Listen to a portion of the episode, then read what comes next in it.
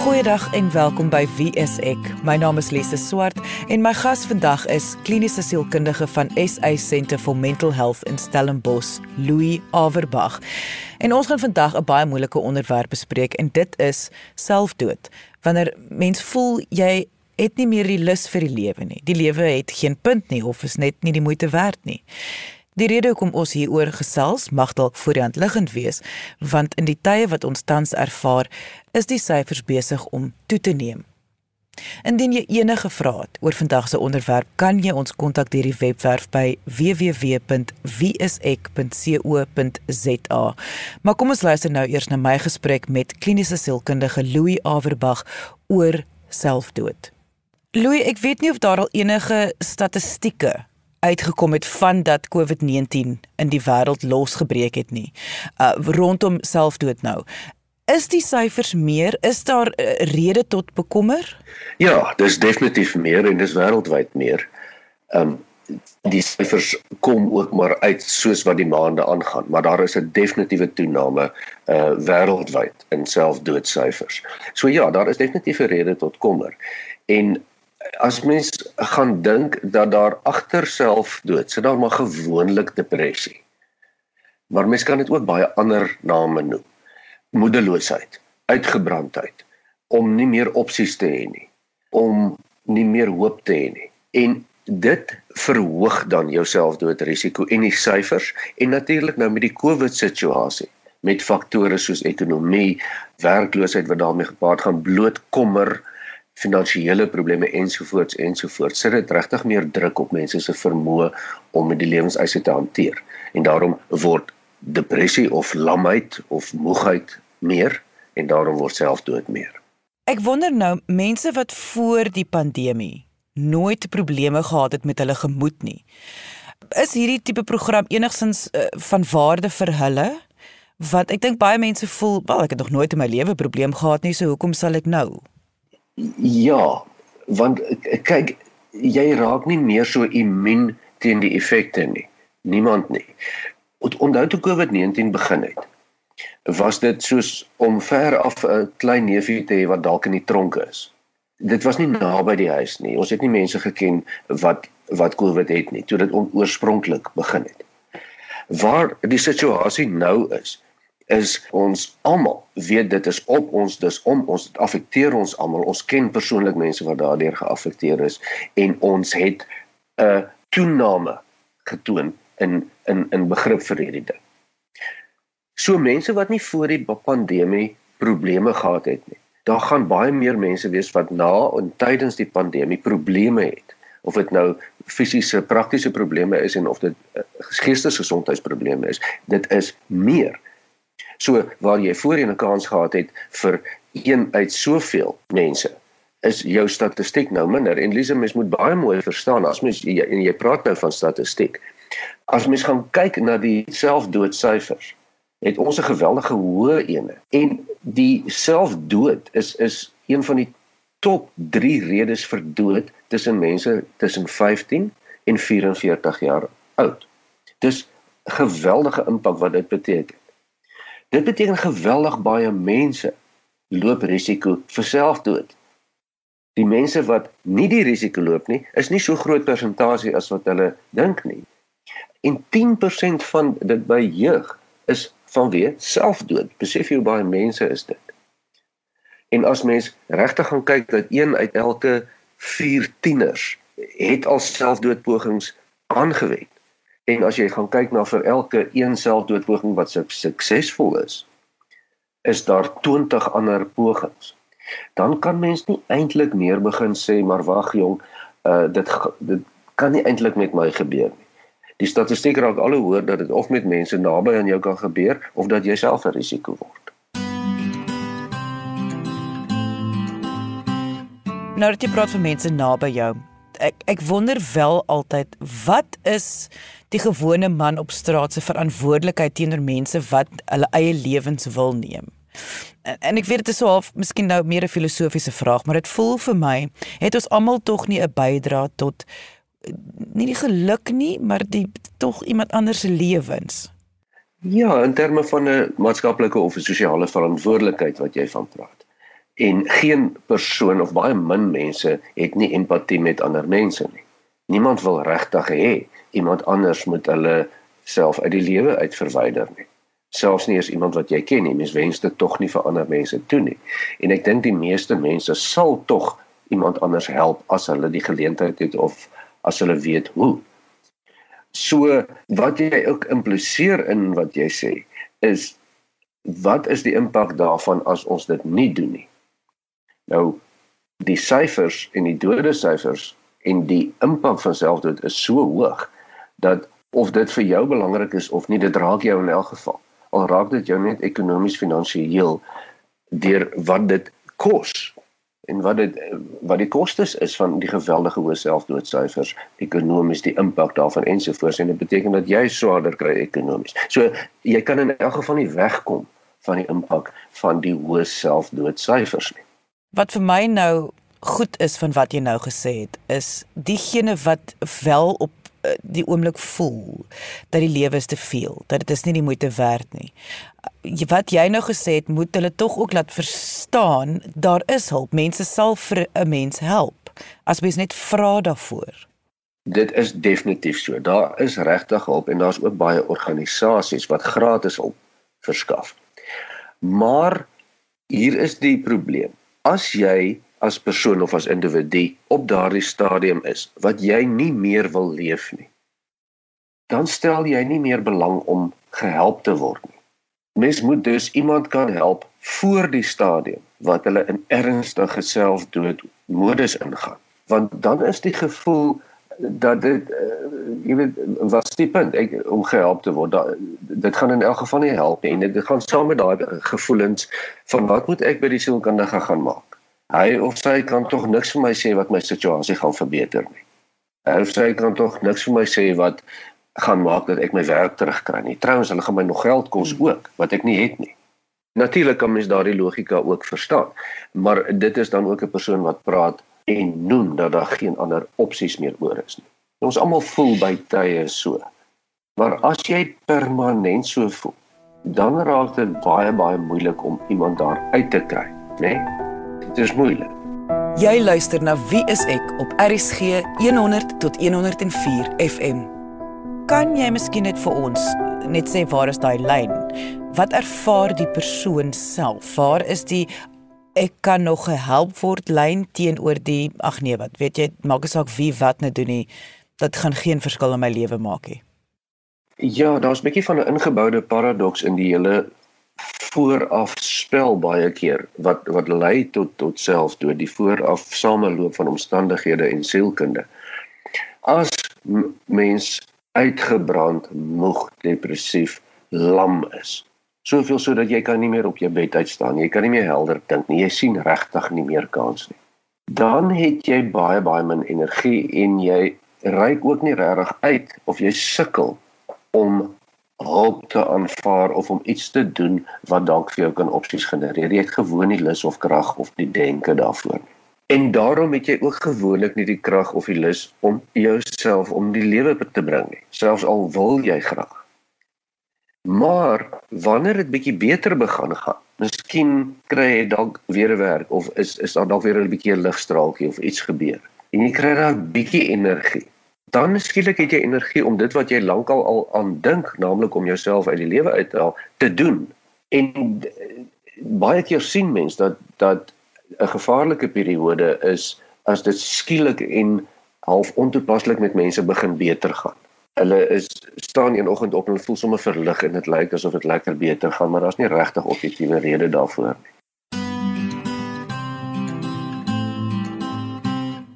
Dis daai stories wat ons um, baie keer hoor waar mense sal sê die persoon was baie depressief geweest maar die afgelope kom ons sê ek soveel het maande gaan dit dan nou al soveel beter dis hoekom hierdie so 'n skok is Ja, dit dra gewoonlik geweldig by tot die skok en ek sê nie dis in alle gevalle die die die geval nie, maar dit is baie keer so en dat dat mense dan kan sê maar magtig dat dit dan begin beter gaan of hy of sy dan beter gelyk. En en en die, dit maak die skok groter. En terwyl jy praat of ons nou praat oor die ervaring van die persoon wat in daardie situasie is, het mens altyd die gedagte wat mens moet probeer onthou is dat die persoon het uit opsies uitgehardloop. Daar is in die persoon se se binnewêreld nie meer ander opsies as om nie meer te leef nie. En baie keer sê mens moet regtig onthou dat mense nie noodwendig altyd wil doodgaan nie. Dis amper net dan vir hulle die beste van die slegste opsies, want om te leef is dan nie meer 'n goeie opsie nie. Dis nie meer die moeite werd nie. En die gevoel daarvan is is baie moeilik ek dink vir 'n persoon om te verstaan wat nog nie self daar was nie. Wat my bring by die punt.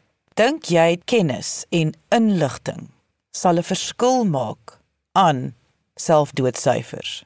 Hoe meer 'n mens vir mense hiervan leer en hoe meer 'n mens mense bewus maak hiervan van die gevoel, kan dit enigsins 'n verskil maak? Wat is jou opinie? Dit maak definitief 'n verskil. Natuurlik maak dit nie die verskil wat mens graag sal wil hê nie. En die syfers wys dit vir ons. Maar ek dink mens kan daarom eerlik sê, as daar nie organisasies so sadig was nie, as daar nie hulplyne was nie, as daar nie vriende, geestelike raadgewers, familielede, sielkundiges, maatskaplike werkers ensovoorts was nie, sou die syfer verseker baie hoër gewees het. Daar's geen twyfel daaroor nie. In 'n ideale wêreld wil ons graag hê dat mense meer opsies vir hulle self moet hê op 'n fisiese vlak en en op 'n geesteswêreld vlak. Maar dit werk nie so nie en daarom moet ons nou maar 'n onideale wêreld probeer om die syfer so laag as moontlik te hou.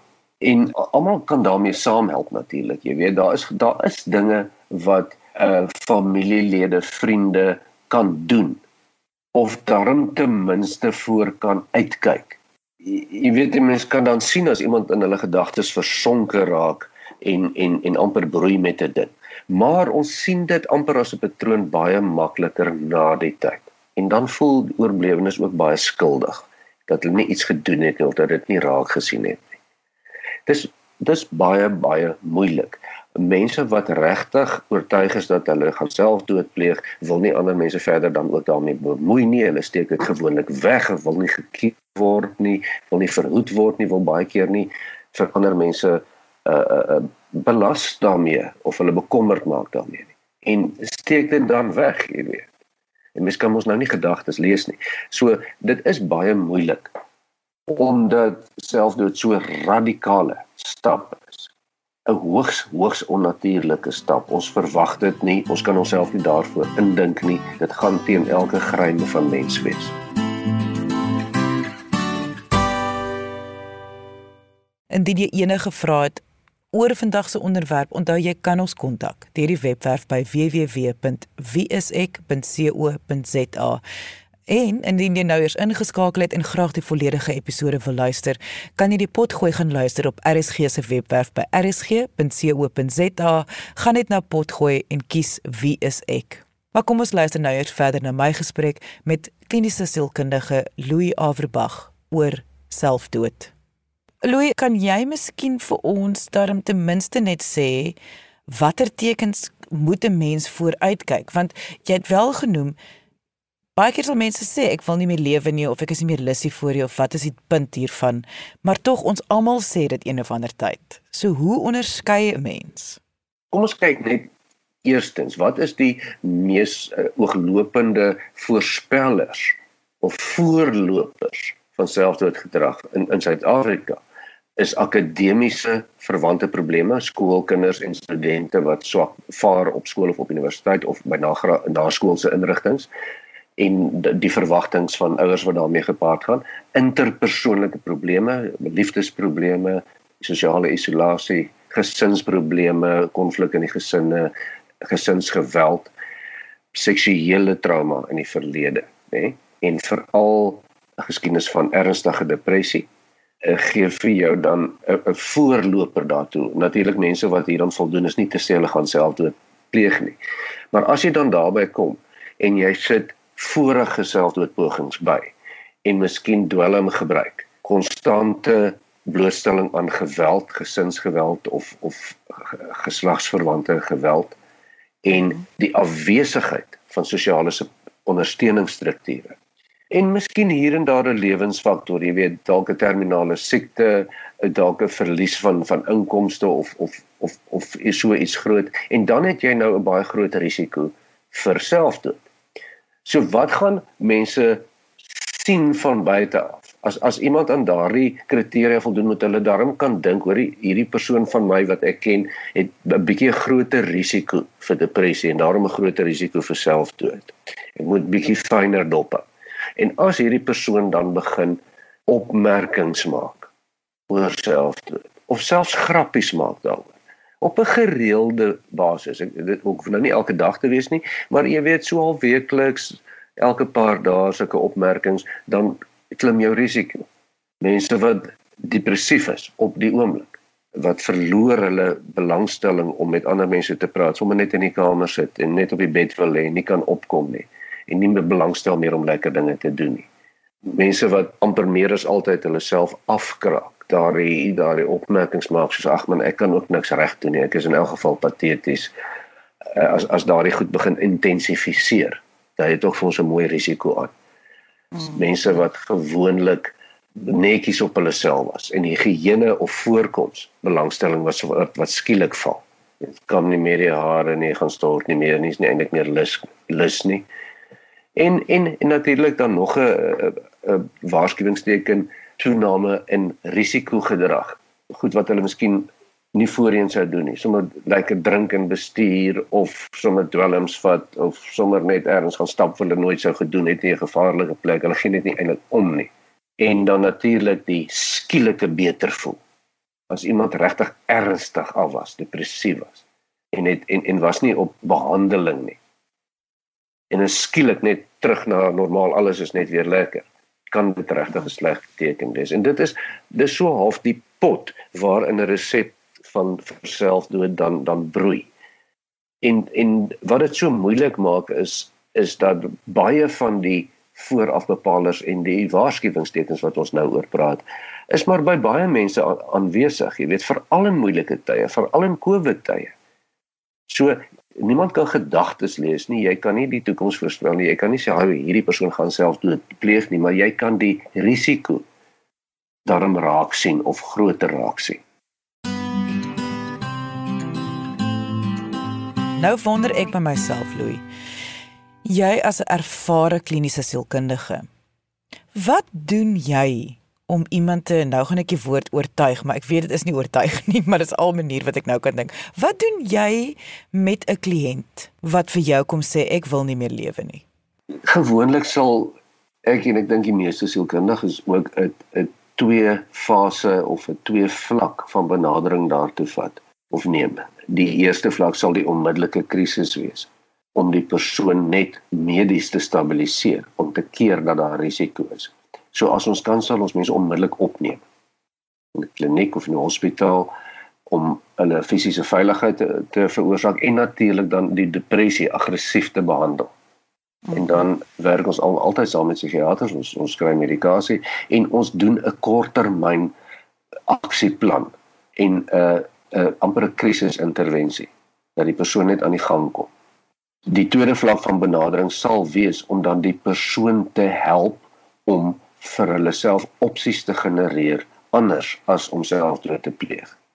Dit behels gewone planne maak vir die persoon wat wat die persoon nie kan doen as hulle as hulle gedagtes ingeperk is deur die depressie nie. Maar dit behels ook om met die persoon self te werk waar kom die ding vandaan van selfdood? Wat is dit wat maak dat jy nie meer wil leef nie? Waar het jy geleer dat dit 'n opsie is? Hoe het jou lewe geloop tot daar? Hoe dink jy daaroor? Hoe voel jy daaroor? En dit is dan wat ons benadering sal wees as sielkundiges natuurlik. Soek jy 'n professionele persoon in jou area? Gaan kyk op die WSE kontaklys by www.wse.co.za. Ek wil net gou gou die verskil net verstaan tussen om vir iemand te help om opsies te genereer teenoor en dit is ons almal se instink om vir iemand te vertel dat man dit is nie moeite werd om te leef. Ons is almal lief vir jou. Jy het soveel, jy sien dit net nie raak nie. Jy is baie bevoorreg of jy jy jy's baie geseënd met soveel dinge. Hoe verskil die twee van mekaar? Meeste mense se pogings om ander mense te probeer help of bystaan is deur vir hulle raad te gee of te vir hulle met die beste intensies ter wêreld te probeer vertel hoe hulle dink hulle behoort op te tree. En dit werk partykeer, maar dit werk maar meestal nie. Dit is nie 'n baie geslaagde metode om iemand te help nie. So wat mens kan doen is om vir die persoon 'n emosionele ervaring te gee of 'n ervaring te gee dat hulle nie alleen is nie. Dit is geweldig belangrik want die gedagtes, die depressie, alles wat selfdood vooruitgaan, isoleer 'n persoon. En hoe doen mense dit? Jy doen dit deur meer vrae te vra as om raad te gee. Natuurlik is dit heeltemal in orde om vir jou vriend of vriendin of familielid te sê, "Maar luister, jy is so oulik en almal is lief vir jou en jy het geen rede om so te dink nie." Dis reg, maar sê dit net een keer. En die persoon weet dit in elk geval meestal. Hulle voel net nie so nie. So as jy meer vrae kan vra en bietjie empatie kan doen. So hoe voel jy? Vertel vir my. Hoe dink jy? Wat gaan in jou kop aan? Wat gaan in jou gedagtes en in jou hart aan? En en en bly stil totdat mense klaar gepraat is. En luister 'n bietjie uit. En jy hoef nie altyd raad te gee nie, nê. Maar jy kan darm jou ondersteuning bied en luister wat die persoon te sê het want die kern van wat ons wil hê is dit selfs dit moenie 'n geheim wees nie. Dit is as dit 'n geheim begin raak dat dit 'n baie gevaarlike situasie raak. Ons wil kan in die huis kan praat oor die feit dat jy voel dat die lewe nie meer die moeite werd is nie en jy het self doodgedagtes, soos wat ons oor die skottelgoed kan praat. Maar wat ons baie keer probeer doen uit menslikheid uit is om dit te keer. Ons wil nie hê mense moet daaroor praat nie. Dit ontstel ons. Ons wil nie hê mense moet so dink nie. Soos nee man, nee man, kom ons praat oor kom ons praat oor positiewe goed. Los nou die negatiewe gedagtes. Dit werk nie. Die die die, mite dat as mense daaroor praat en daaraan dink dat hulle dit dan meer gaan doen is nie waar nie. Die teenoorgestelde is hmm. waar. Hoe meer mense kan praat hieroor en voel hulle is nie alleen nie en iemand verstaan dit.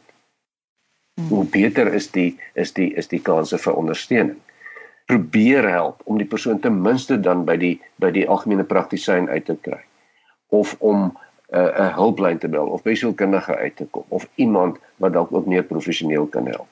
Probeer bietjie die alleenheid minimaliseer. Kyk maar gereeld in by die persoon, maar gereeld kontak. Dit is die tipe goed wat mens kan doen. Jy luister na Wie is ek op RSG 100 tot 104 FM. En Louis, laastens vir individue wat wel voel die lewe is nie meer die moeite werd nie. Hulle voel hulle het lank genoeg geveg. Wat is jou advies of jou laaste woorde wel vir hulle?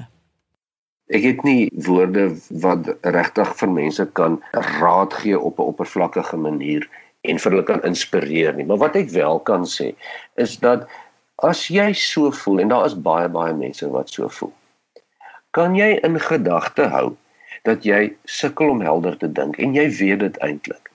En hou 'n gedagte dat daar baie baie ander mense is wat ook al so gevoel het en so voel wat wragtig nie meer een uitkoms kon sien nie. Met hulp het hulle regtig ander uitkomste gekry en dit gaan beter. So wat mens vir jou vra is reik tog net asseblief uit. Selfs al voel jy dit gaan nie help nie want jy het mos nou niks in tog verloor nie. Stel dan jou poging uit met 'n week of 2 Hoekom is jy so haastig? Wag maar nog 'n week of twee, kontak die hulplyn, kyk of jy nie 'n afspraak kan kry by die dokter nie. En hou jouself uit jou lyf uit na buitekant toe na daar waar die lewe is. Hoe moeilik dit ook al is, jy moet eet en en probeer om ietsie lekkers te doen al is dit net gaan stap buitekant by jou deur uit en weer terug. Daar is regtig ander opsies, dis nie vals woorde nie, daar's altyd 'n plan wat mens kan maak. Dit was kliniese sielkundige van SA Centre for Mental Health in Stellenbosch, Louis Averbag. Onthou indien jy enige vrae of advies nodig het na vandag se onderwerp, kan jy ons kontak deur die webwerf by www.wieisek.co.za of kom gesels saam op ons Facebookblad onder wieiseksa. Dankie dat jy vandag ingeskakel het. Ons maak weer so volgende Vrydag 12:30 net hier op RSG. Jy moet 'n heerlike naweek hê en onthou, kyk mooi na jouself.